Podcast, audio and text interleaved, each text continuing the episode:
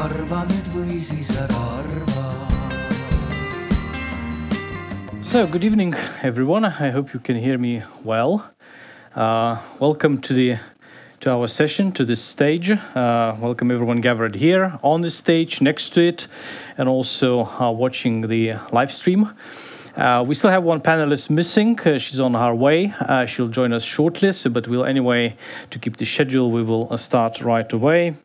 Uh, my name is Thomas Jermalavičius. I'm from International Center for Defense and Security, a think tank in Tallinn, which is co-organizing, I had the pleasure to co-organize this panel together with the British Embassy in Tallinn.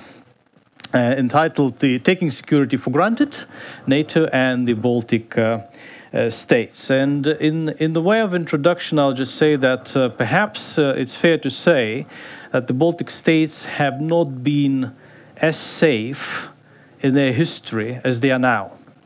Um, we are uh, so integrated in all Western political, military, economic institutions and structures uh, as it can get.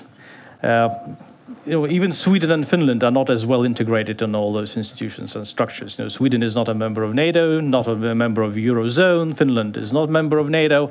So, uh, in a way, we are almost like Benelux countries of, of the East. Uh, uh, we are everywhere, you know, where we look around. So, uh, when it comes to NATO, of course, uh, we enjoy NATO's collective defense guarantees, Article 5 guarantees. And uh, suffice it to say that no state adversary so far has tested or tried to test the credibility of those guarantees head on by an act of military, uh, direct military aggression. So it is a very successful alliance when it comes to deterring uh, uh, adversaries.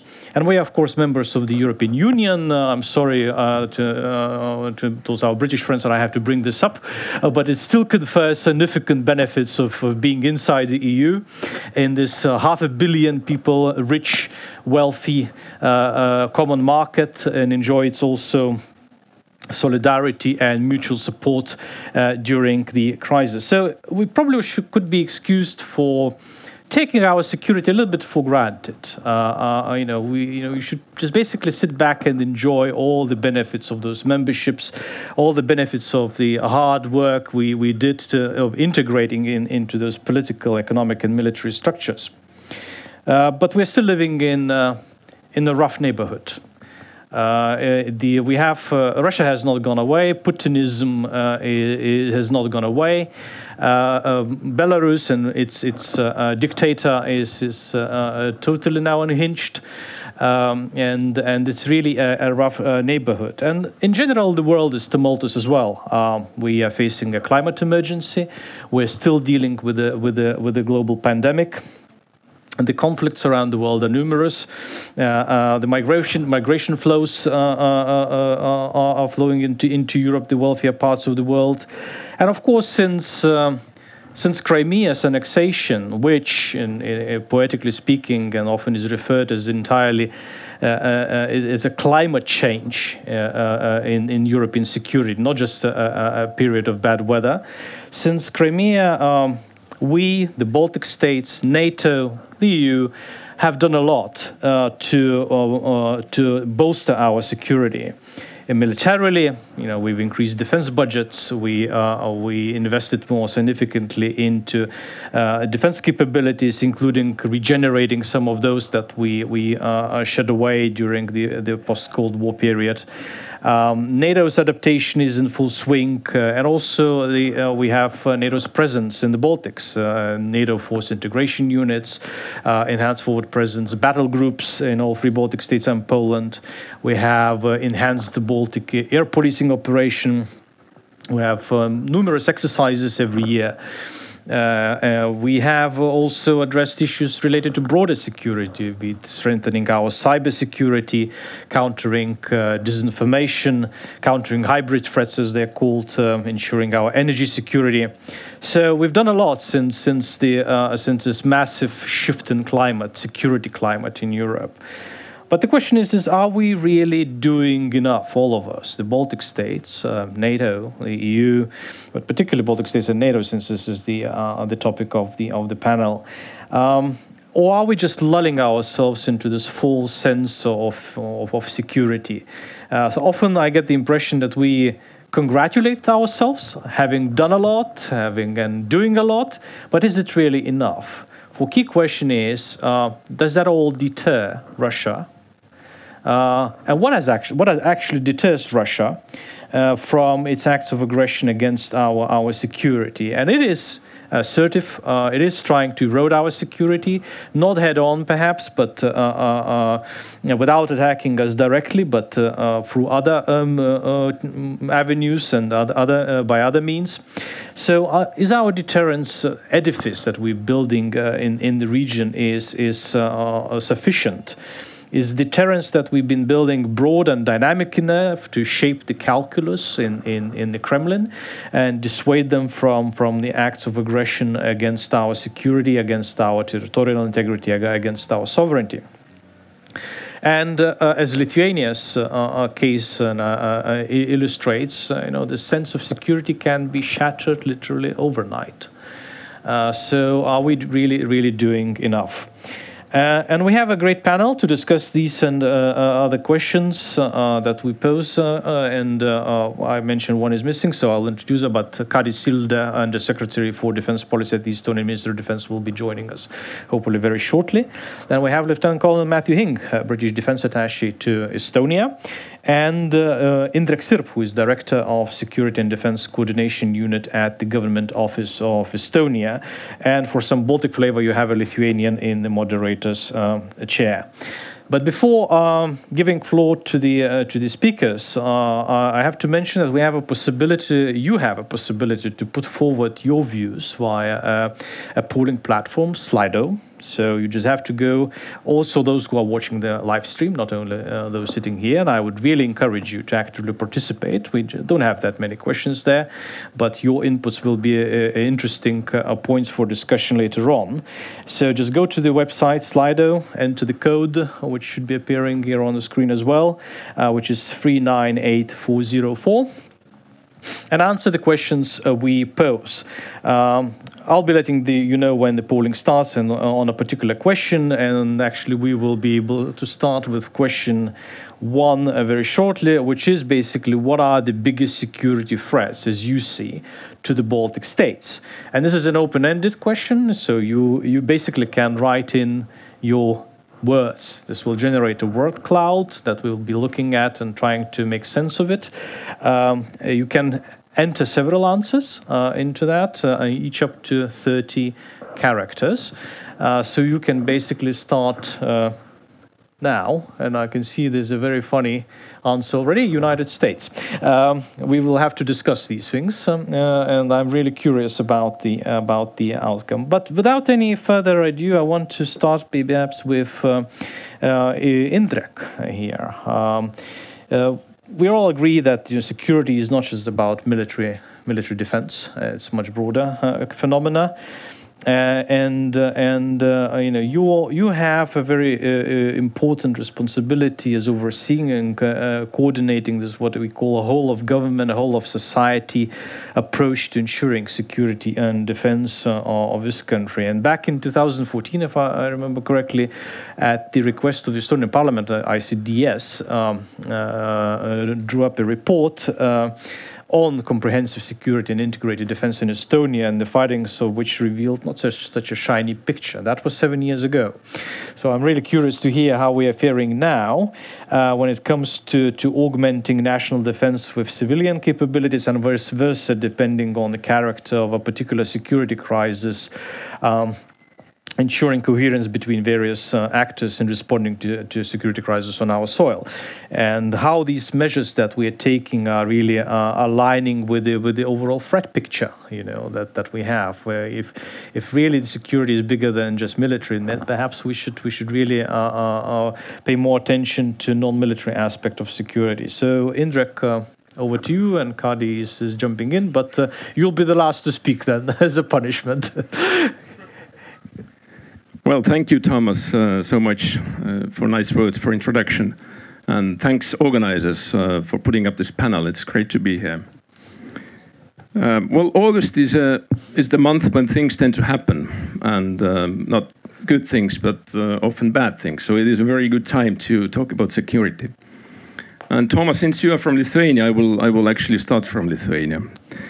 So um, the thing that is going on um, in Lithuania, the migration crisis, essentially a hybrid attack by the Lukashenko regime against Lithuania in order to achieve uh, the political goals. Uh, it's an ongoing crisis, and it is way too early to make any conclusions or get lessons identified and lessons learned.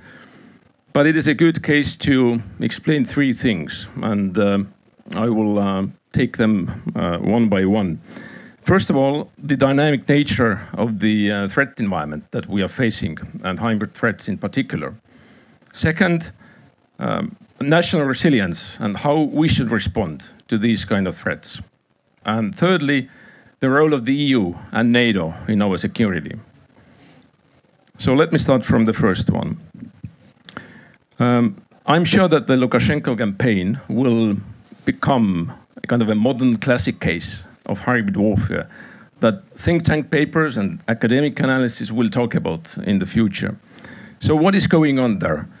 Lukashenko being unhappy because of the sanctions that the EU put on, on Belarus, wants to lift them, and is now using illegal migration as a, as a weapon, as a tool to influence the decision making in Vilnius and other European Union capitals, as well as in Brussels.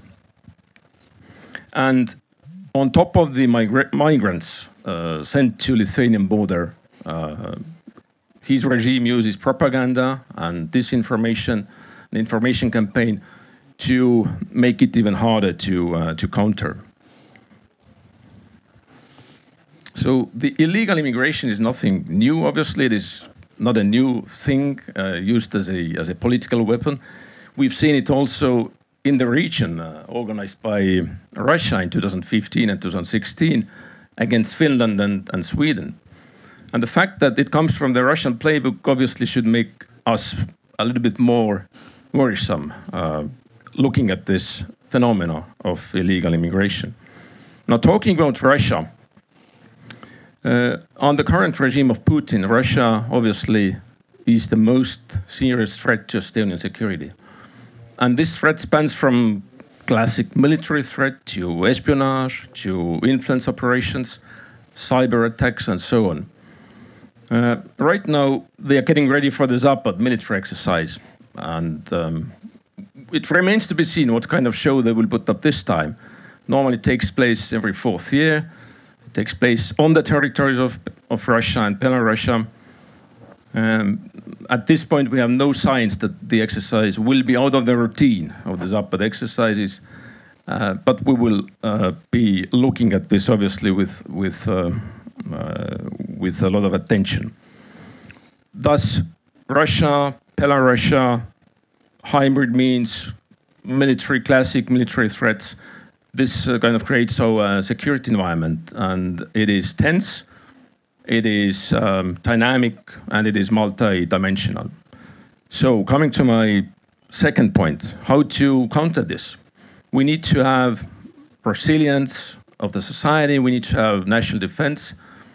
And resilience, if you ask what it, what does it mean, it is basically um, ability to sustain cohesion of the state and the country despite internal or external disruptions. And disruptions may be global pandemic like COVID, it may be um, a flow of illegal migrants, it may be even war or armed conflict. Now, our defense forces and defense league, they form the backbone of the military defense posture. However, many civilian agencies and ministries and uh, municipalities and uh, even private sector companies play a very crucial role in um, making sure that the uh, Estonian society and, and the country is secure.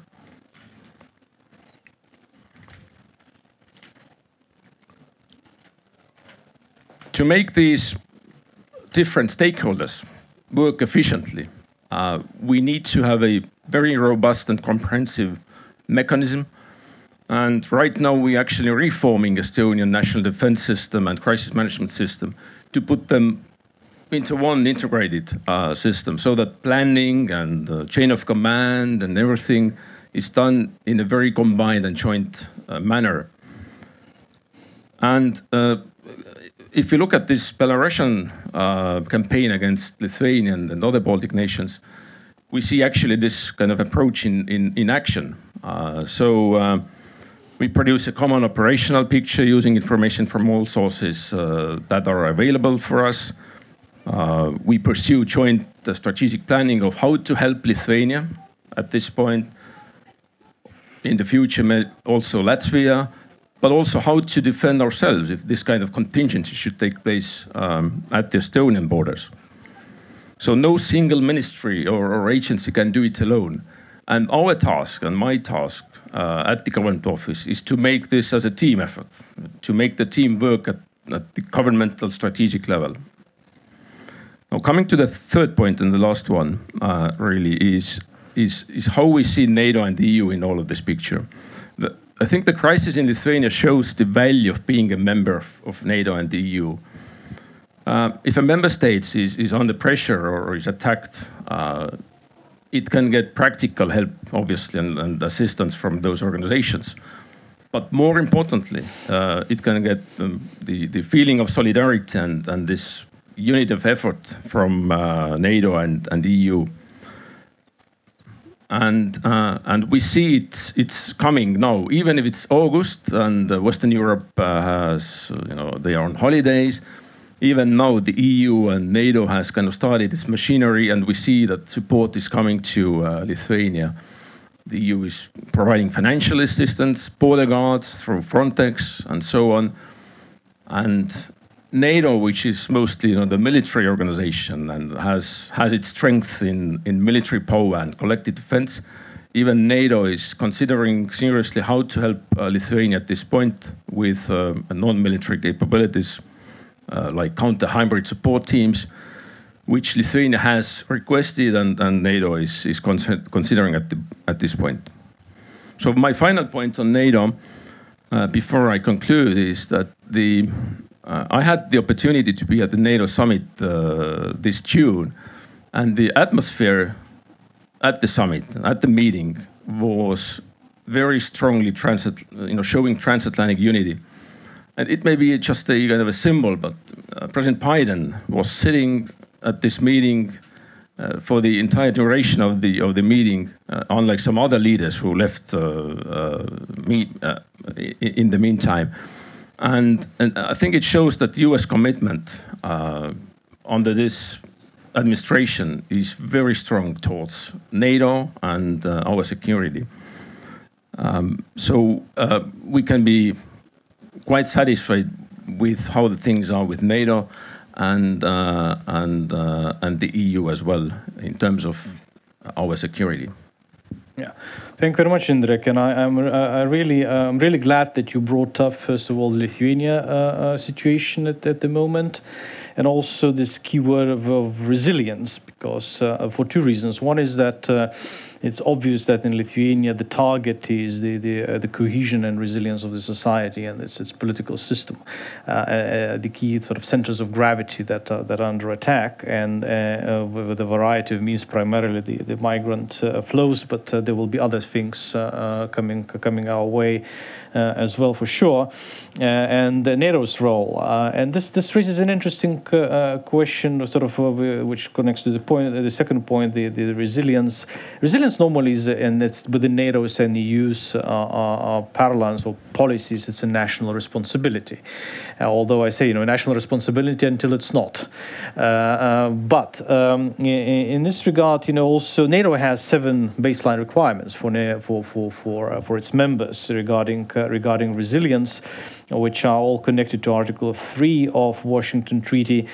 Uh, and and and then there are those who say, okay, this is primarily a military alliance. You know, it's it's the master of, of military tool, military instrument, and now we want it to do more and and, and become a bit broader in, in how it supports its uh, its allies. You know, how uh, individual allies, how it uh, uh, um, helps to build resilience and so on. So, in the sense, what is our expectation now of NATO and NATO's transformation? You know, and so on? now uh, do we want it to become more than just a military alliance and uh, more than just focused on collective military defense, uh, or or or uh, we still wanted to remain at the core this this sort of a military uh, uh, military instrument in our security? Well, NATO is a political and military alliance, and military is obviously the kind of the most important um, core of, of NATO. And it has had actually for many years um, kind of more political and more non-military uh, kind of roles and tasks, and, and as well as capabilities. Um, I think it should stay this way. However, from Estonian perspective, it is really important to focus, given the current security uh, environment, to have the focus on the traditional NATO's function, which is collective defense. And um, out of the the summit I was speaking about uh, came a few couple of uh, very important decisions that will strengthen defense and deterrence of NATO, and uh, it gives a, a, good kind of a map of how to move ahead in um, making sure that we have necessary forces, plans, and they are exercised as well. And Kadi, I, I guess, can uh, speak about uh, you know this in a more detailed way, but, but this is a really good kind of step forward. And there's nobody in NATO that would thought that this is unnecessary or, or mm. nothing that, that, we should be doing. So there's a strong, united, common effort in, in this regard.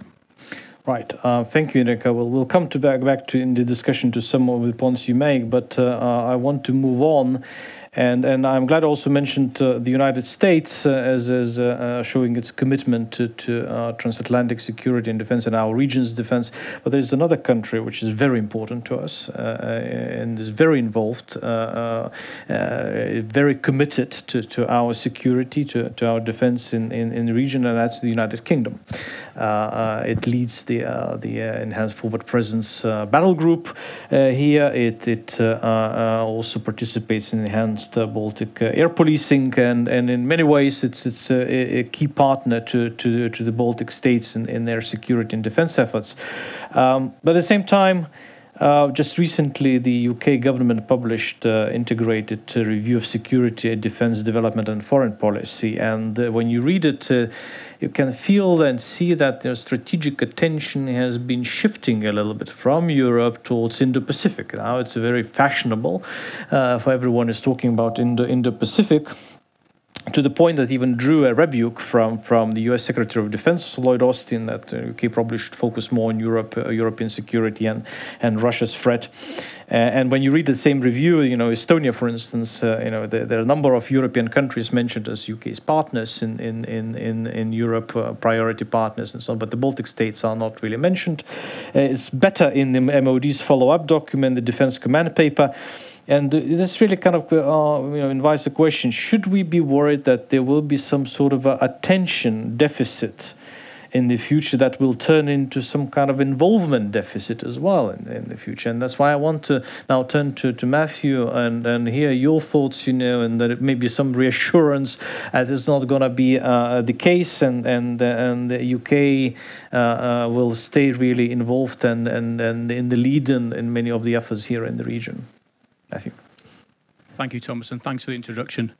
And, it's really great to be on this panel with uh, such uh, great and distinguished colleagues. Uh, and thank you very much to ICDS for helping to put this together.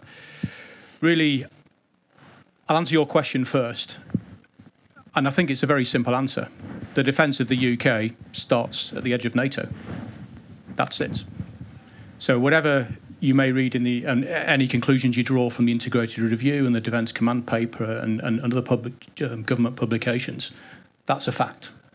It's been a fact for 70 years, and it's a fact today, and it'll be a fact tomorrow, and it'll be a fact when NATO is 100 years old.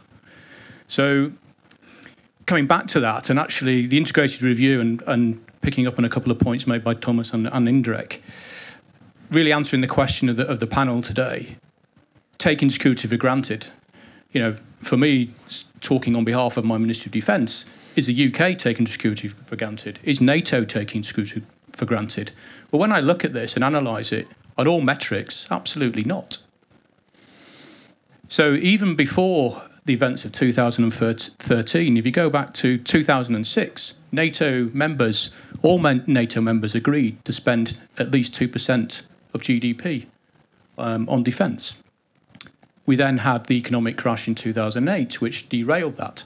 We then had the reality check in 2014, which then at the Wales summit allowed the, Na- the NATO members to reinvigorate that 2% pledge and the readiness action plan. So when you look at activity, and Thomas mentioned a few there, and I'm just talking, looking in Estonia specifically, from 2014, enhanced Baltic air policing missions flying from Ämari Air Base for the first time. 2015, the establishment of a NATO force integration unit designed to speed up the rapid reinforcement of, of the area. 2017, the enhanced forward presence battle group with the UK as a framework nation, supported by Danish and French allies, deployed to Estonia. And here, quoting my, minis- my Prime Minister and my Secretary of State for Defence, for as long as you need us to be so. So NATO has done a lot of assurance and the Readiness Action Plan assurance and adaptation measures. But when you look, and that's just activity. But also when you look at spending, and I come back to the two percent. Since 2014, um, defence spending has risen year on year for seven consecutive years now to, two, to 2021, a total of two, an additional 260 billion dollars, uh, and all NATO members have pledged to spend at least two percent of their GDP on defence by 2024. So when you look at activity, there's positive action. When you look at spending, there's positive action. And also conceptually, we mentioned the, the UK's integrated review, and I'll, I'll do this in, in chronolo- chronological order rather than um, uh, importance order. So in March, the UK published its integrated review, and to give it its full name, it's the Integrated Review of Security, Defence, Development and Foreign Policy. Hence, we shorten it because that's quite a mouthful. But actually, it's important. I thought it was important to do that so you understood what the integrated part was about. Uh, It's a cross government view of the world, it's a UK's threat assessment. And it came up with four main themes. And they, these are that um, the world is becoming more competitive and more multipolar. There are geopolitical and economic shifts. There are systemic competition between states and values and their systems. There is rapid technological change. And there are transnational challenges such as climate change and biodiversity risks. Now, the reason I, I mention this is because these are not specific to the UK. These affect the whole of NATO.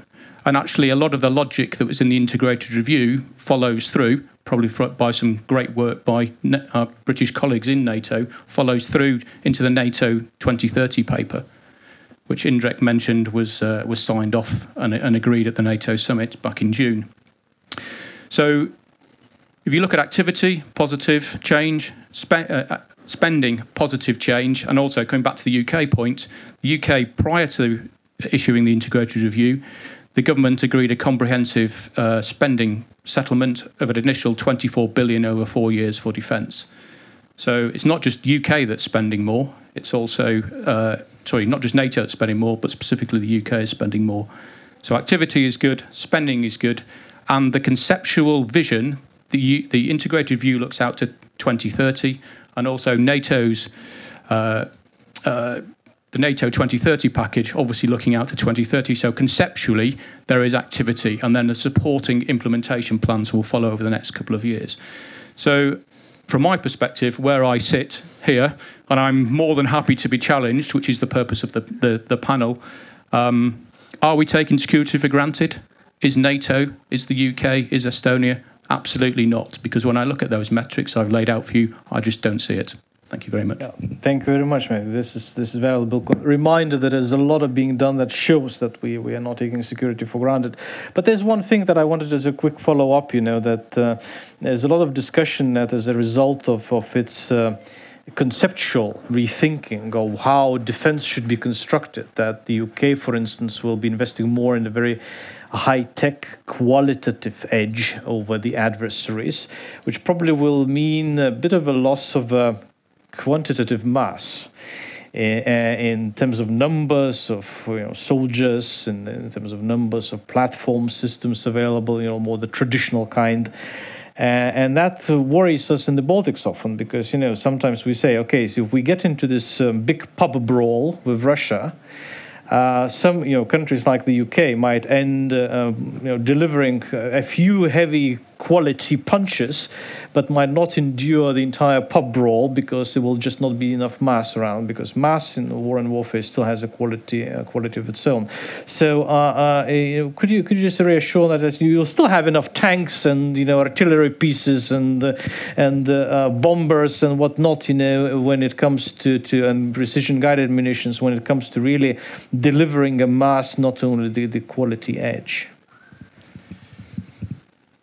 I knew you would ask that question. It's a very difficult one to answer. and I'll give you a little bit of little, I'll give you a little bit of history first. My first posting in the army, I went to Germany in 1991. The army had 150,000 people, 50,000 of which were in Germany. Over the next uh, few months, years or so, uh, as a as you know, as a result of you know the, the, the very real and very obvious dividend, peace dividend at the end of the Cold War, and subsequent defence reviews, the army has has broadly been on a downward trajectory, um, and will do again slightly from the integrated review. So. Yes, we've moved away from mass, but so has the battlefield and the, and the, the character of warfare has evolved as well. We need a balance of both. It's a very diplomatic answer, I know, but we do need a balance of both. And one of the strong things which came out Uh, in the integrated review and, and the way that the UK is going to respond to the, the threats that I laid out was trying to sustain our strategic edge in the science and technology field, because that is important. But that costs. And therefore, and that's the challenge of the Ministry of Defence, that's the challenge of any government, is how, even though you spend 2% or more, is how you divide that 2% up to make sure you've got it's not necessarily about it's not about mass. I would suggest it's about balance, and it's getting a balance in your forces that you can be have that deterrent effect when and where you want to do it, and also have a military effect when and where you want to do it. And for the UK as a global power, and I know you mentioned a uh, focus the Indo-Pacific. It means across the globe. Right. Thank you very much, Matthew. And uh, this is actually ties in also now with uh, very nicely with what I wanted to start with uh, uh, uh, talking with Kadi. Uh, the this balance also means, for instance, we have the EFP uh, battle group led by the UK, which in a way you can say is symbolic. It's a tripwire force. It cannot achieve on its own a lot, uh, uh, but it would trigger, hopefully, a, a, massive big response from, from the entire alliance. Uh, uh and it, it, also matters that this battle group uh, has in the lead, as a lead nation a nuclear power. UK's nuclear power, and also involvement of another nuclear power, French. Uh, so uh, the uh, th- this is a tripwire force, but it's a result of a very long of a, of a process of, of planning and putting it in place. And I remember in 2016 we helped with Kadi uh, to, to put together a report uh, which was uh, authored by uh, Generals Wesley Clark, uh, former SACEUR, and, and uh, Richard Shirreff, former DSACEUR, British General, Egon Ramms, and Jüri Luik was our director at that time.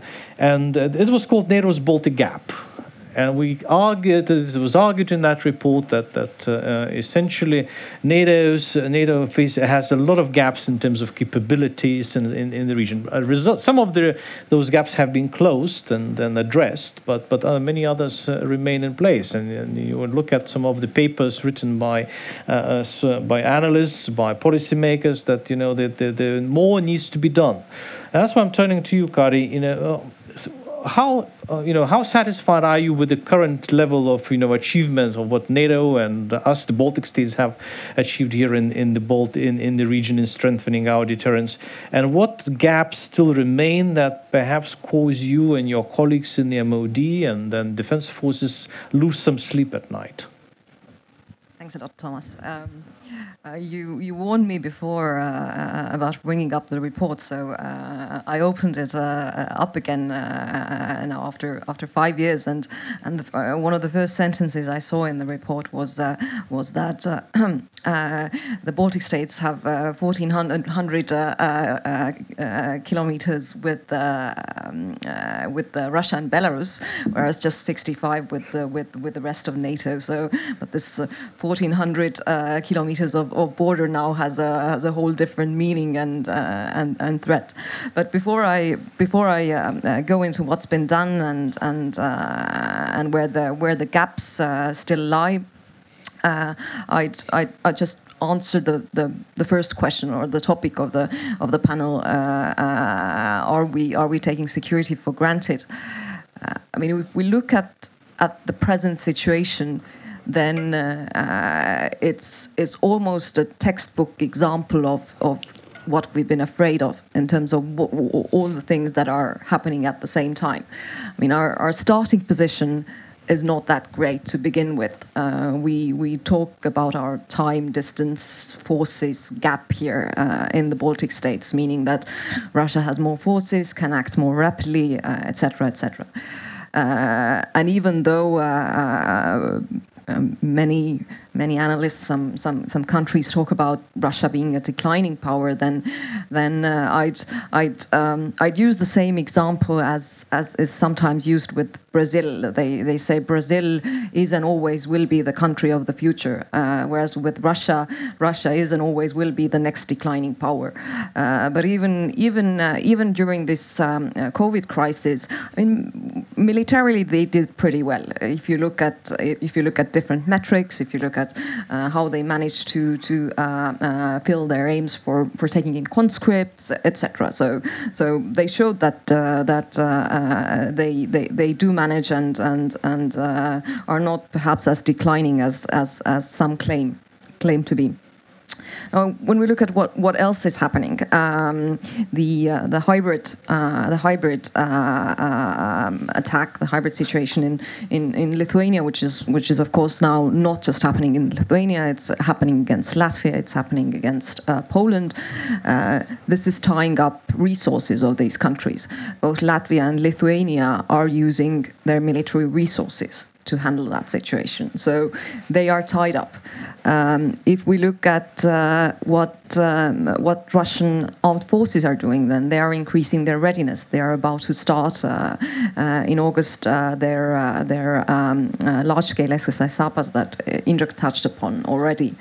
Uh, if we look at Russia's sort of self-confidence, then then uh, the the the, uh, the escapade in Ukraine, uh, vaccine diplomacy, etc., uh, I would say has given them quite a bit of quite a bit of confidence.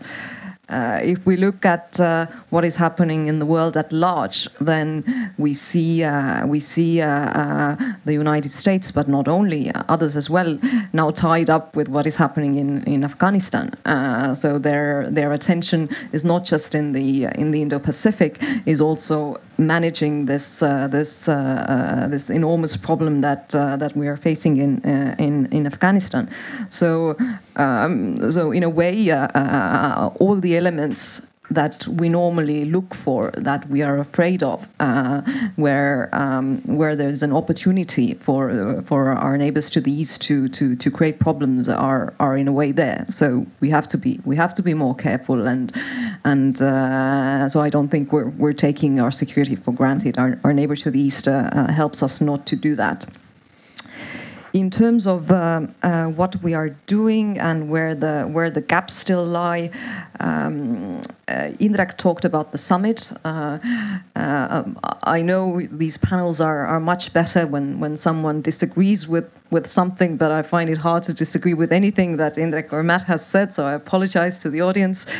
Um, uh, I mean, in a way, um, this summit um, didn't bring anything as, as concrete or tangible. I mean, before we've seen the EFP brought to Estonia, we've seen air policing uh, come to Estonia, and, and this time around there was no sort of one shiny thing uh, in collective defense. So it was for our communications people, it was a little bit a harder sell than than it normally is, which which does not mean at all that uh, that uh, really important work is not being done. Uh, it's just uh, it's just uh, you know in a in, in a setting like this, uh, if I start talking about modernizing NATO's force structure, you'll go over to the cafe, so I won't do that. but but but I assure you, it's it's it's as important as the as the EFP, which I will which I will come back to in a second, because as as as as all the previous uh, speakers said, um, the FP is a is a is a tripwire force, but we need a functioning reinforcement strategy. We need to be sure that uh, uh, that uh, the overwhelming amount of forces that would that would uh, convince Russia not to do anything can be here, can be here, and can be here quickly. Now, if we if we uh, if we uh, uh, come to the to the EFP, then then um, it it really is, uh, I would say, the best tripwire force in the Baltic states because um, it is it is not just a symbolic um, unit. It is um, a unit that is very much integrated with Estonian forces and that is militarily capable uh, and will and can act. And and our British friends assure us that uh, that uh, if worse came to worse, um, their unit would, would, would act alongside uh, uh, ours. So I think it's it's it's a very very much credible uh, um, uh, deterrent. Um, I mean, the bulk of the work that is still to be done is is on is on reinforcement. The the I apologize. I will mention again this modernization of NATO's force structure. Please don't go away. But but this is we need to get the rest of NATO's forces in a state where uh, there's enough forces at a at a at a sufficient level of readiness that they can uh, that they are able to move to to our region when when when need be. Um, of course, the uh, the um, um, resilience um, um, sort of toolbox is something that needs uh, needs uh, um, uh, work as well. It's it's of course not just a uh, uh, purview of NATO, but but uh, in many instances also the EU. Um, then. In terms of in terms of what else we can do, one of the one of the um, one of the issues where perhaps we've not been as good before, but we're trying to get better is, is regional cooperation, Baltic uh, cooperation, also cooperation with Poland. Uh, I mean, there's always been a lot. I mean, there's a number of working groups, there's a lot of meetings, uh, but if we talk about actual capability development, uh, joint capability development, there isn't been all that much. And the truth of the matter is, even if uh, even if we all spend above two percent, uh, our GDPs are not going to expand enormously. So there's only so much that we can, on our own, uh, uh afford for this money. So so what we are looking for, and where where where certainly the, the gap lies, is strategic capabilities that we could develop uh, and own and operate uh, jointly with the Baltic states.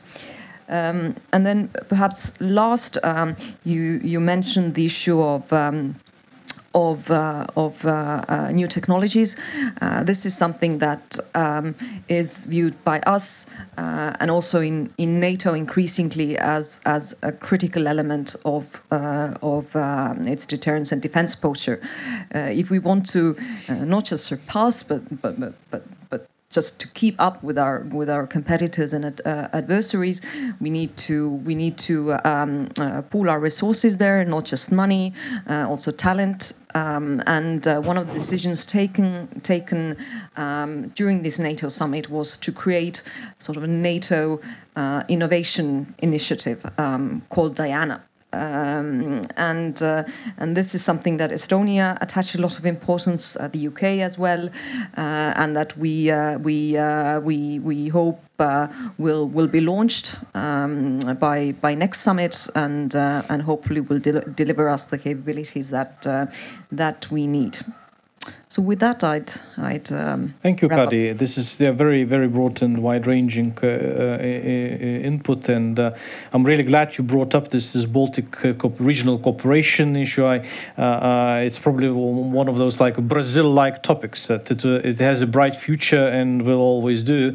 Uh, uh, but uh, nonetheless, I think this is uh, the right note to, to strike here. Uh, but the question is, you know, even with the with these uh, uh, small uh, amounts that we have, uh, and E- Estonia actually tends to, to bring up the Baltic cooperation and join things a bit more when the budgets are being cut. When when Estonia is overflowing with the defense money, uh, or if uh, it's not so much interested in talking about the Baltic uh, Baltic cooperation, then the Latvians and Lithuanians do because they get the, the cuts. Uh, but in in any case, are there ways you know that we can spend these uh, small budgets uh, uh, smarter?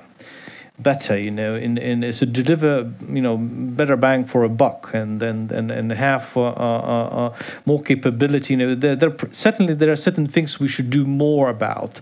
And one example, just you know, not to put the words in your mouth, but now Estonia decided to purchase the uh, coastal defense uh, missiles. Right, that's in the plan now, which has some populist origins as well, as we all know. Uh, but nonetheless, it's, it's in the plan. But in order to make best use of this capability, we really need a proper maritime domain awareness institutional awareness.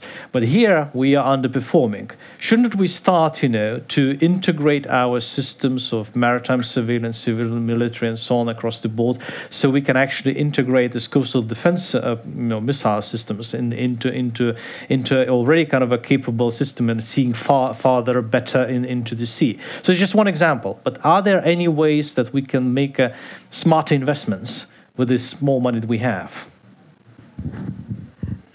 Yes, this coastal defense is, is, is again not the best example of, uh, of Baltic cooperation, but but uh, but I suppose that's the that's the challenge that we don't.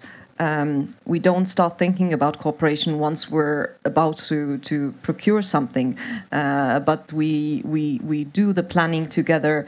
Uh, we do it long term. Uh, we think uh, we think uh, much much longer ahead than we normally do because, uh, I mean, with with with all these strategic capabilities, all of us have the money at different stages in our budgets. So to to square that, uh, uh, you have to start thinking together, planning together, much much much longer than uh, the head than than just a few years. Yeah, absolutely. Indrek, you wanted to jump in, right?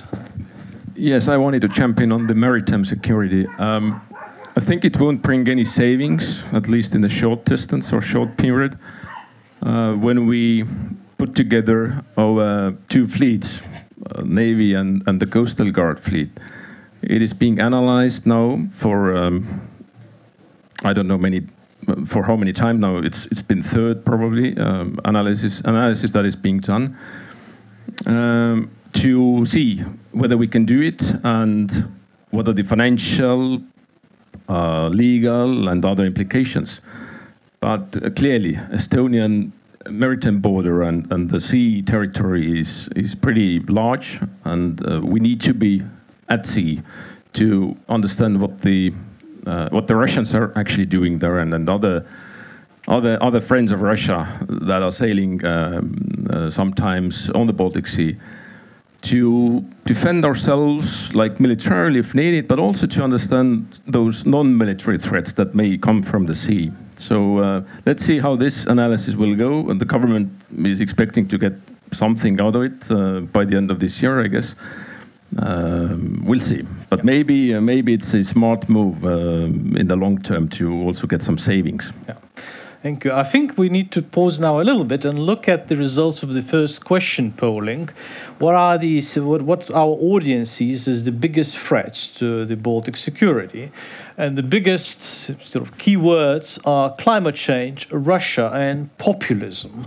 Um, now, any comments from the panelists on, on these on these keywords? You know, the, the Russia obviously we've spoken a lot about, uh, uh, but why why would you see populism for instance, and, and how does the you know how does our security and defense agenda also reflect climate change as as as a security threat uh, to the uh, to the, uh, the national security of the Baltic states?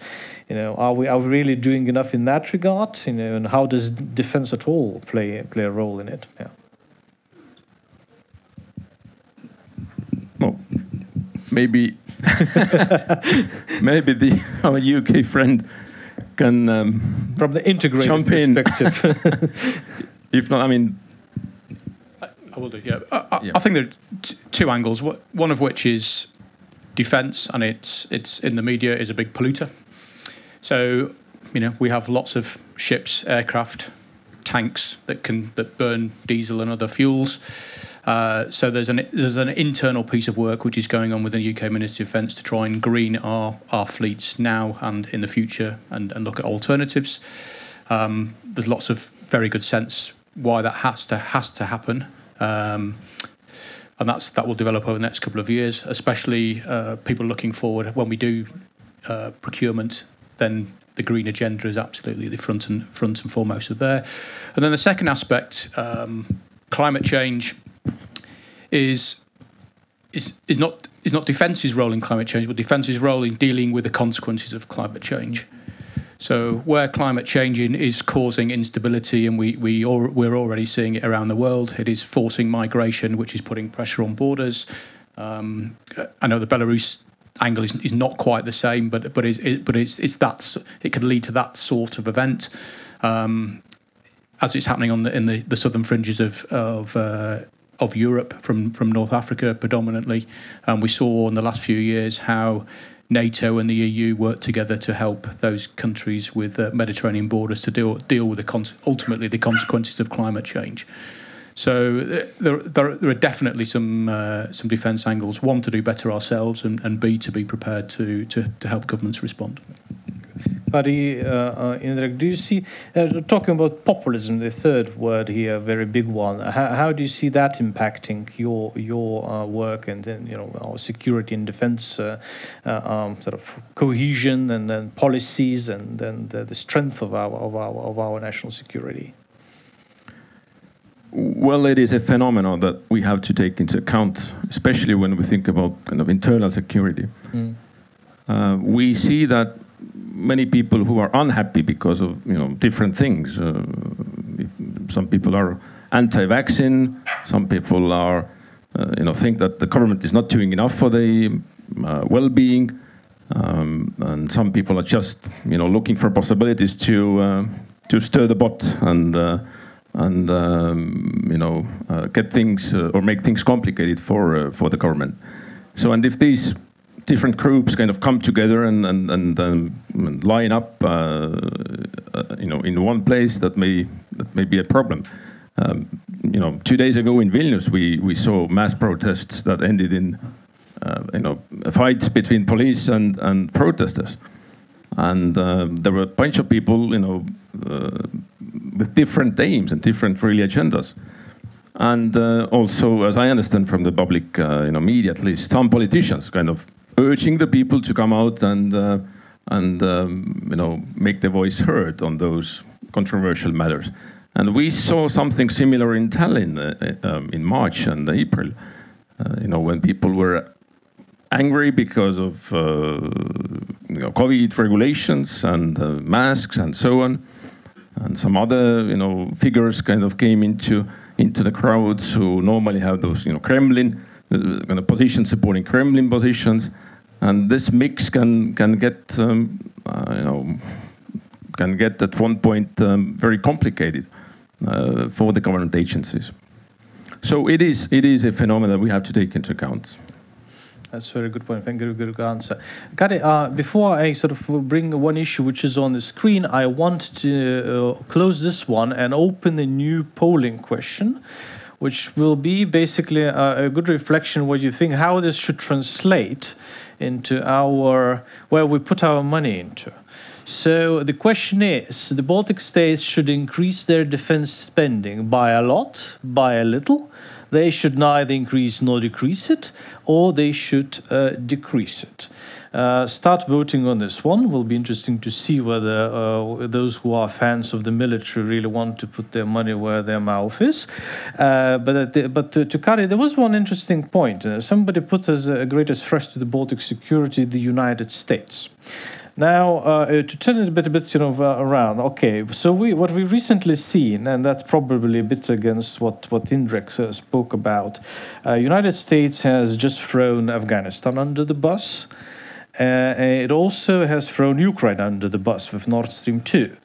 Uh, so uh, uh, you know, in, in a way, that, that makes me a little concerned because what sort of a message that sends to to, to, to those who challenge uh, the United States and challenge NATO alliance and and, and transatlantic uh, security, and when it comes to defense, aren't we really putting too many eggs into the same basket and counting too much on the US being all the time, all times here to support us, uh, rather than instead diversifying a little bit, maybe you know, putting a little bit more attention to European defense cooperation. And you're as a policy director in the MOD, I know you're probably in the thick of it when it comes to discussing our position towards the European defense cooperation. So, what, what are your thoughts about the US uh, uh, role and position and um, credibility sometimes when it comes to security, transatlantic security and defense? I think there's a very clear distinction um, between the different obligations and commitments that uh, the United States has, um, uh, and the sort of treaty uh, uh commitments that the United States has in NATO, uh, it does not have in, in, in most other corners of the world. So, so uh, we do not doubt we do not doubt U.S. commitment. But in terms of, of putting our um, putting our um, eggs in one basket, I I actually don't agree at all. Uh, if you look at the different uh, deterrence and defense measures, not just in Estonia but in all the Baltic states, then they are predominantly uh, uh, manned and fulfilled by, by European countries. Uh, we are our biggest commitments abroad are, are with the French in in uh, in um, in Sahel. Uh, so the fact that that we need to have European powers uh, engaged as well is not something that uh, that we've missed or, or not not uh, paid attention to. Uh, but uh, of course, there's also distinctions uh, distinction between European Defence Cooperation and and EU. Um, European Defence Cooperation, to be honest, most of it happens outside of, of EU. most of our operational commitments in Sahel, for example, are not um, in the framework of EU. Where the EU comes in and is very important for us as as as as the defence um, establishment as well is. Um, is with its with its broad toolbox uh, that uh, that relates to to resilience uh, in its widest possible possible meaning. And there's a lot that the EU does that we think NATO shouldn't do because again agreeing with with with uh, Indrek we we understand that NATO needs to to pick up a few new topics here and there as well but we wanted to stay predominantly a transatlantic defense organization. So there's a lot of things that sometimes pop up and we think mm, is NATO really the right organization for that? Mm. Uh, I mean, for, for, for for instance, in a lot of issues that that uh, that concern China, um, the right sort of venue uh, for for that discussion is not so much NATO, but it's EU and EU EU US uh, uh, dialogue. Very good answer. Thank. And I'm really glad you brought up this whole you know, treaty commitments because we'll come to that in, in a moment. And NATO also even now started indicating that Article 5 could be activated also in the case of devastating cyber attack or, for instance, attack against the space-based systems as well. So it's kind of the the uh, the the, uh, the, well, the breadth of this Article 5 applic- applicability in the Allies eyes also has been expanding. But before I, we, we come to Article 5 discussion, maybe uh, let's look at the screen and what do the people want? And 44% of our bold, bold ones want the defense spending be increased by a lot uh, uh, and 28 by a little and only 8% say they should be uh, should decrease it So, Indrek, um, in Estonia, basically the government is fulfilling our minority will because only 8% want to see the cuts in defense budget and 44% want to see uh, this increase by a lot. But Estonia has just cut the defense budget, as as many other budget items. How does that square with this, you know, 2% commitment? Because we run now a risk of, of not reaching 2%. The economy is growing uh, the defense spending is decreasing. So, uh, how does that square with all this nice rhetoric about us standing firm on defense spending and the people's will as well? You know, a bit populist here, but still. Well, it's good to see that uh, so many people are supporting more defense spending.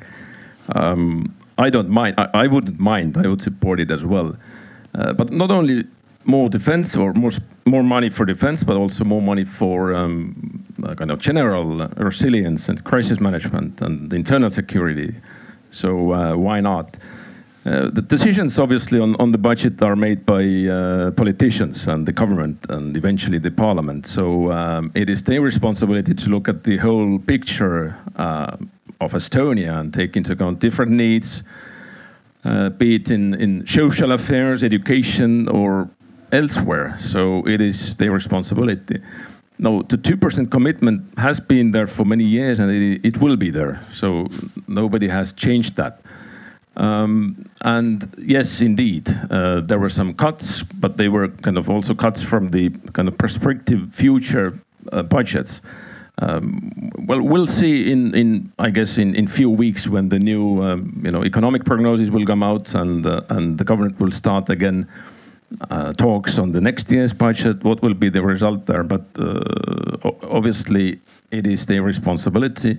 We, from our side, are good at uh, making proposals on how to spend this money uh, and bringing together different, you know, needs from different ministries. Uh, you know, pushing through the, through the clearhouse what is what is necessary and what is less necessary, and the government then can make a, a proper decision on it. Right, good, thank you. Um, uh, before we move on, I want to open the last question of our polling, if possible, uh, and, and, that pertains to the very heart of the discussion, you know, about about uh, uh about our sort of fears and, and sense of security or insecurity. If the Baltic states are attacked, will NATO come to their assistance? Interestingly, the previous uh, session here on this stage uh, focused on the question of trust. So this is basically the question of trust in NATO's collective defense uh, uh, guarantees. Uh, but then this is this is you know you know Matthew is grabbing a microphone. I'm sure you have something to say about this. How much how much uh, trust we can invest into into this rather vaguely actually articulated article, framed article, worded article, which basically says that you know our countries or allies are committed to assist by all means they regard necessary uh, uh, to assist the attacked members. So if your government decides, or your parliament decides that sending a card with regrets to Tallinn and saying, we regret you've been attacked and we are deeply concerned, and that's all that it regards as necessary, then uh, then it's probably the not the, the essence of the uh, or the spirit of Article 5. Uh, but to, to, in your view as, as a military, you know, in the, during the Cold War we had a lot of this automaticity. You know, if there are tanks pouring across the border from the you know Warsaw Pact, that's an attack. Everybody you know is attacked attacked and everybody's defending against this attack.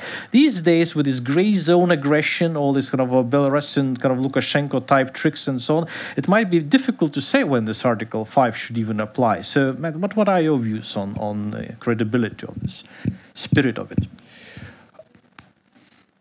I, I think in the UK, this is, this is not a question. We will respond. In fact, we've already responded because we've got 850 British troops in Tapa permanently. We're already here. We're already involved in whatever that crisis is. I think then the question then becomes about how we respond. Uh, we, have talked a lot about NATO, but we one organisation which is consensus based. Therefore, I think the implication in, in, the question you were asking was was there's ambiguity in a, in a hybrid. You know, all threats are, are deliberately amb- ambiguous. So therefore, the there is a difficulty. Therefore, you can assume there will be a difficulty gaining consensus within NATO for for, for NATO action. So what? You need a plan B. So what's a plan B? The one organisation we've not talked about is uh, the Joint Expeditionary Force. So, um, just to expand that, uh, that gives those partners and anybody else who who wishes to act. Just can, can you explain to the audience? Yeah? I'll explain to Yeah. that. So the Joint Expeditionary Force is a. Uh, um, it's got ten members, including uh, the, the Baltic states, and importantly, bringing in non-NATO members of Sweden and and Finland, um, the Netherlands, Iceland, Denmark, Norway, UK. I think I've got everybody. Yeah. Um, apologies if I haven't. Um, 10 like minded nations who meet regularly and plan this type of crisis response. Uh, there are uh, work groups in there about interoperability, but actually, it's a response option for those nations. And that could just be two nations, it doesn't have to be all 10. There's no, it's not consensus based, it's more what needs to be done. Okay, who wants to take some action to do it? And that could be anything from a natural disaster to uh, to more the, the recognition that a hybrid, a hybrid attack is taking place.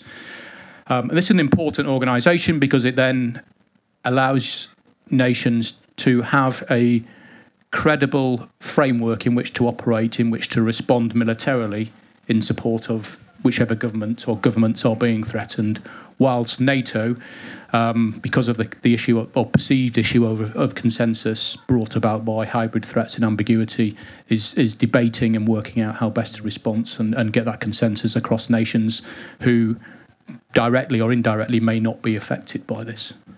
Kadi, is that the way you think in the MOD that if something really, you know, happens uh, very bad and it's kind of Article 5 like situation, that what we'll be first seeing is the coalition of the willing, perhaps even including countries like Sweden, not a member of NATO, coming to help rather than NATO. And NATO will be something, you know, that will move much slower. There is, you know, more deliberate, you know, more deliberation, disagreements. What, what, what are your concerns about the NATO's speed of response, if, if, if necessary, especially to more ambiguous uh, situations?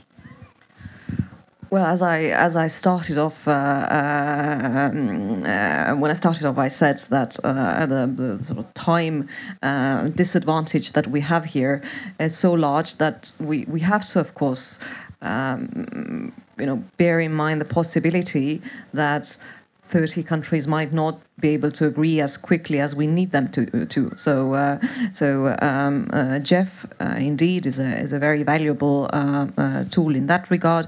Of course, we hope and we, we, we, we think that NATO will not fail, but, but sometimes we need someone to act sort of in anticipation of NATO, uh, uh, in a way to, to deny Russia the opportunity to establish facts on the ground, uh, and by that to to to buy more time for for NATO. So uh, um, JEF is one one uh, uh, option for that.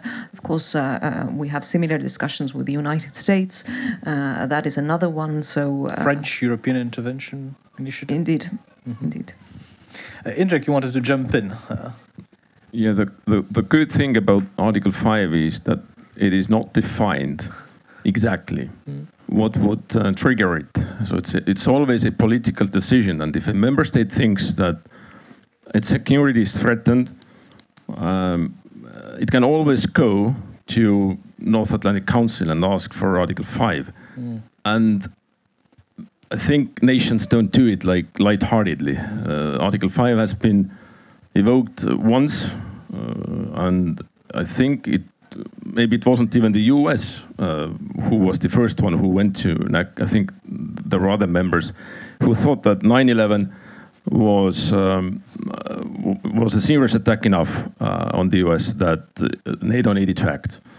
And if a few years before that, somebody would have defined that Article 5, you know, would be triggered by an, attack, an attack, then nobody would have thought that the attack would uh, occur in such a manner, I guess, you know, using a, a civi- a civilian airplane and then hitting a building.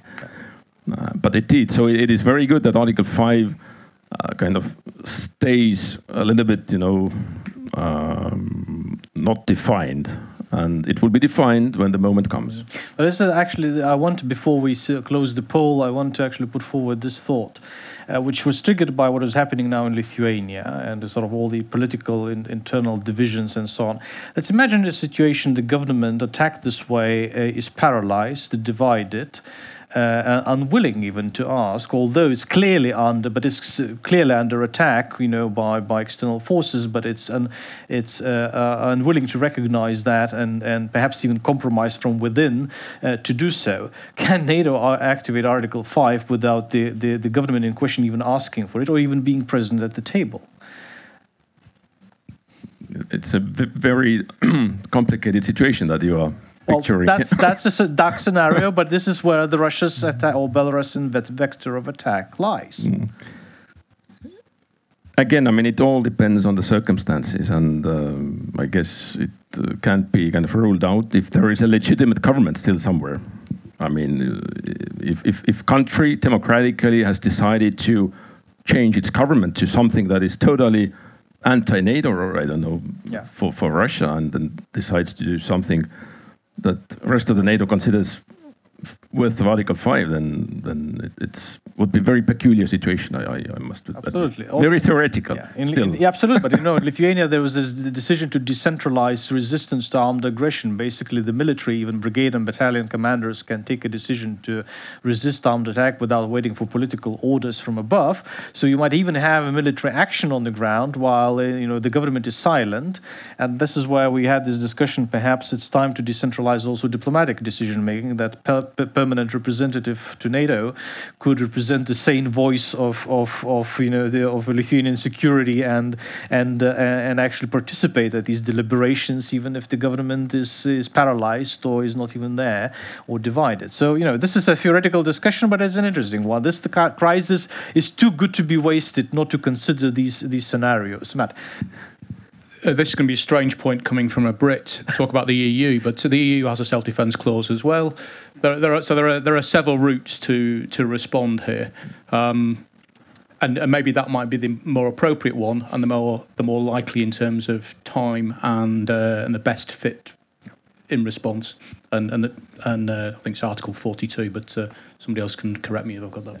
Good point. But looking at the at the screen, it seems that majority, not a big majority, but still a majority, uh, or sort of more than a half, uh, uh, it's not seventy or eighty percent, but think that yes, the NATO will will come to the assistance of the Baltic states in the case of the attack. So on the on the on the back of this optimism, I would like to to turn now to the members of the audience and ask if you have questions or uh, points to challenge our speakers with. Uh, uh, uh, yes, right there in the front. How is it work with the microphone? Do we have somebody? Yep. Hey, thank you for the opportunity. Amazing talk, by the way. Um, so I have many questions, but I'll just ask one. Um, I think the status quo has been for a long time that Russia is the quote unquote black sheep of the region. so, uh, you know, that's the threat. That's how it goes.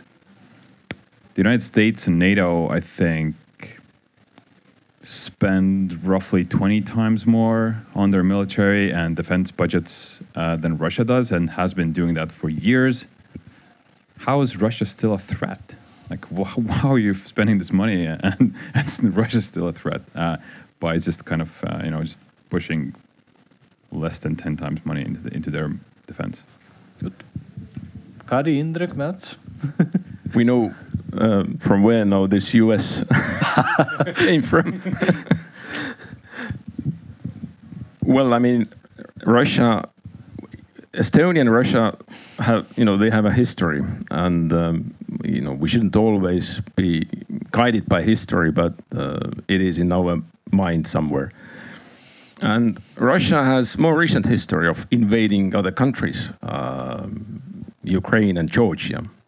Yes, they, they, they are not members of NATO, and the US has no obligation to come for the defense.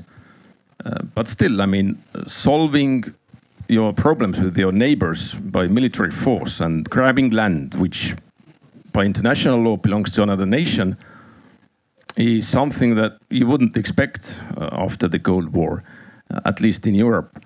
So it's Russian actions and, and policies that is uh, a threat to us. We don't know whether they can, whether they are willing to use it against NATO, uh, us, NATO, the US. At this point, you know, there is very low probability that they are ready to do something like that. But we cannot throw it out uh, totally, given the current regime in Russia, which is very aggressive when it comes to the to the you know the vicinity of, of the borders and the nations countries that are uh, in this vicinity. So um, I guess uh, that explains it. Uh, that doesn't really answer my question. Thank you. But the question is, how is NATO spending 20 times more money and still keeping a economy that invests 10 times or 20 times less as the main threat? So uh, my question is, how the threat assessment even happens? So China spends roughly five times, or sorry, China spends roughly five times the money that Russia does. The other regions do as well. Why is why are we still talking just about Russia? So why not China, who projects power elsewhere? How does that happen? Well, threat is not only about capabilities and money you pour into your forces. It is about intent and your real actions. Yeah, and the real actions happen not only on the you know they don't happen in the military domain on a daily basis, but they happen in influence operations, undermining your elections recently in the U.S. and elsewhere, and um, you know uh, stirring trouble in your countries and using the opportunities to strike wedges between your uh, bet, you know between different groups of your society. So this is also a aggressive action. It doesn't have to be a military attack necessarily. Um, Matt, yeah. Can I, yeah, can I, I just had a, come back to the chi- point about China, and, and again, I'll, I'll reference back to the, the UK's integrated review. It mentioned two adversaries in there Russia, quite pointedly, but also China and emerging China. Yes, both countries spend less than NATO, but their economies are different. They can they can produce still produce some very effective weapons, and weapons could be information, cyber, as well as as well as hypersonic missiles, as well as uh, aircraft carriers, the Chinese um, uh, shipbuilding program, etc., etc. So it, it's it, you're not comparing the same cost of the item for a NATO very expensive European or, or, or American piece of kit with something made in, in, in Russia or China. There's no direct comparison. So you need to look at capability, and the capabilities and the intent are there. Therefore, they are threats. Um, and therefore, we have to respond. And you talked about Russia. If we want, you know, why is it still viewed as a threat? The Russian, the Russian regime. We'd all like it not to be a threat we'd all like it to become back into the international rules-based international order and behave along with those agreed international norms, so we can, in a democratic way that helps us all with with free trade and international cooperation. That's not where we are today. Yeah. Very, very uh, uh, briefly to, to, to add to what uh, the other speaker said. Um, Russia, of course, knows that um, um, you know it is not an equal to the whole of NATO. Uh, if you know everyone want, went uh, uh, ahead, you know, with tanks, etc., etc., etc. But what, what Russia has is is that it's um, first of all it's revisionist, and second of all it's opportunistic. So they are waiting and looking for opportunities where NATO is, for example, um, uh, not united, where they see that they can drive wedges, uh, where they see a vacuum happening somewhere in the world. I mean, look back a few years, uh, a few look uh, a few years uh, uh, back. Um, Russia was was engaged in in the Ukraine. Uh, they still, you know, have a lot of forces on on NATO's borders, and everyone thought, mm, no way they're going to be able to do anything else uh, in any other place. But then they went to Syria. They they they uh, filled the vacuum in Middle East. They're in Libya. Uh, they're in Africa. They're increasingly in Central African Republic. I mean, they're using different means and methods. Uh, so uh, so the fact that uh, you know tank by tank or nuke by nuke they they they uh, they are they are weaker doesn't mean that uh, they don't have um, they don't have options. And just to add a bit more frivolous note, uh, we are open-minded, and in the future we don't mind looking at Russia uh, not as a threat but as a buffer state between Estonia and China, uh, and that that will be you know way, one perspective of looking at things. I want to balance a little bit also with the online participation. There was a, a number uh, a, a number of questions posed online. I want to pick uh, perhaps uh, one of those, and I will pick you know, the actually the one that is talking about, and I'll probably this is what it to Indrek also, and and uh, Kadi, and and also uh, Matthew. What should a simple citizen of a state do to support national defense and cohesion as pillars of security? So I'm coming to you. I'm a simple citizen. What does that mean? I just have to become now? I don't know, a military reservist, or what? What are the? What is a simple citizen's you know role now in in, in our in our security and, and defense? I think there are many uh, possibilities depending on the interest of a person. If person person is really interested in providing directly to national defense mission, uh, she or he can join Defense League or uh, be a, uh, voluntary policeman or a voluntary uh, firefighter. So there are a lot of those possibilities. Um, A hacker. in the cyber defense league maybe yeah yeah why not why not um, and one of the things that we've been trying to kind of introduce or, or deal with is to raise people's awareness of uh, risks and um, uh, you know re- resilience and how to how to act and be in a crisis if uh, something happens. If you have no electricity or power what you should be doing and uh, you know what stores or what things you should have at home to kind of survive in this situation and uh, we are you know very far from reaching all the people but uh, ministries and and um, different organizations are dealing with this.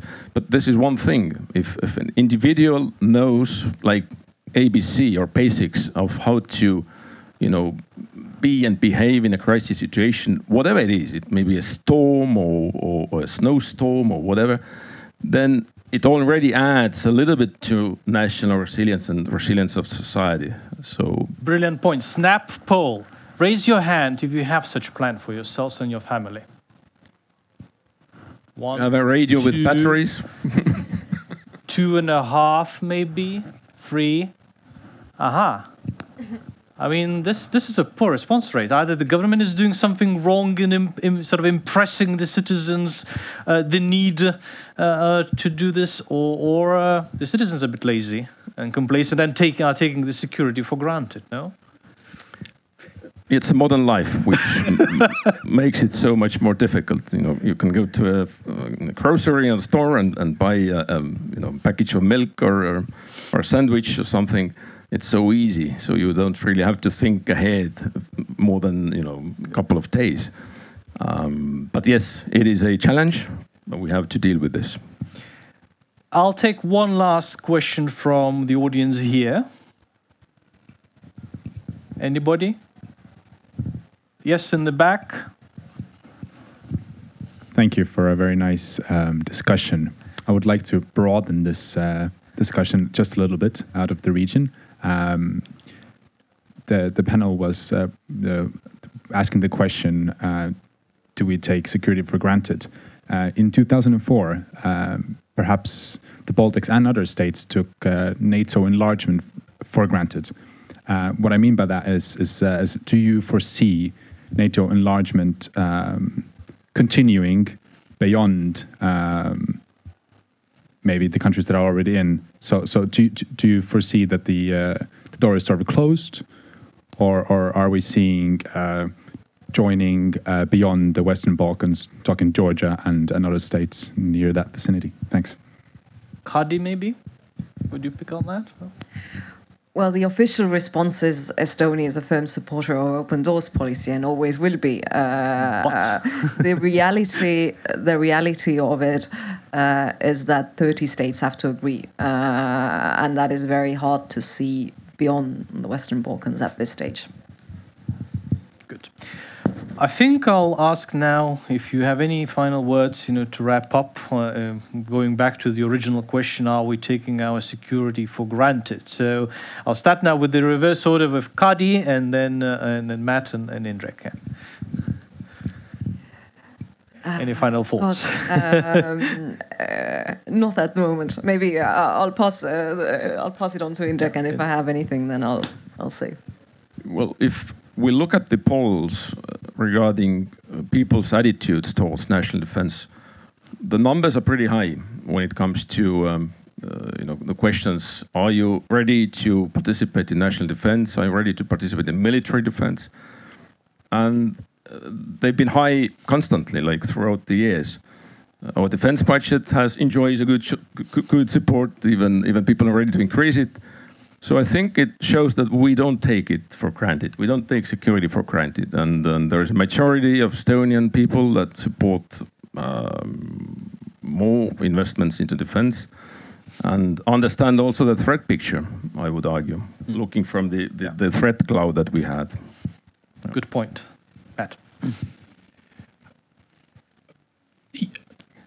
I think the, the, British government absolutely not, and I think that was well, very well articulated integrated review, which laid out a, a, a vision, a, the, the, current threat assessment, and, and a, vision of the future and a way ahead. Um, but the British people don't have a border with Russia. In fact, we don't have a border with anybody apart from the Republic of Ireland and Northern Ireland. So. Um, we have a, di- you know, the, the public have a di- very different threat perception of what bothers them um, compared to the Estonian people or people who, people who are in the Baltic states because geography plays a part. Um, being an island nation gives you a certain degree of security. Um, well, it gives you quite a lot of security. So I think from the average Brit, feel pretty secure and have done for a long time. But that's Russia the, can reach you not only through the border, that, but that's not the view of the government, and that's not the view of the Ministry of Defence or our um, security services. So um, absolutely not taking it for granted. Yeah. Thank you very much. I'll, I'll just agree yeah. with Indrek and Matt. uh, thank you very much indeed for this for this great discussion, uh, uh, for your thoughts, uh, for your involvement and and uh, answers in in the poll. Uh, uh, also, thank you for for our uh, for our ICDS team in, in, helping to put this up, but also for the British Embassy in Tallinn for putting so much effort in, in in into this in this panel. Also, hosts of the of the stage, giving us the floor and the space to to share our thoughts. So, thank you once again, and enjoy your evening.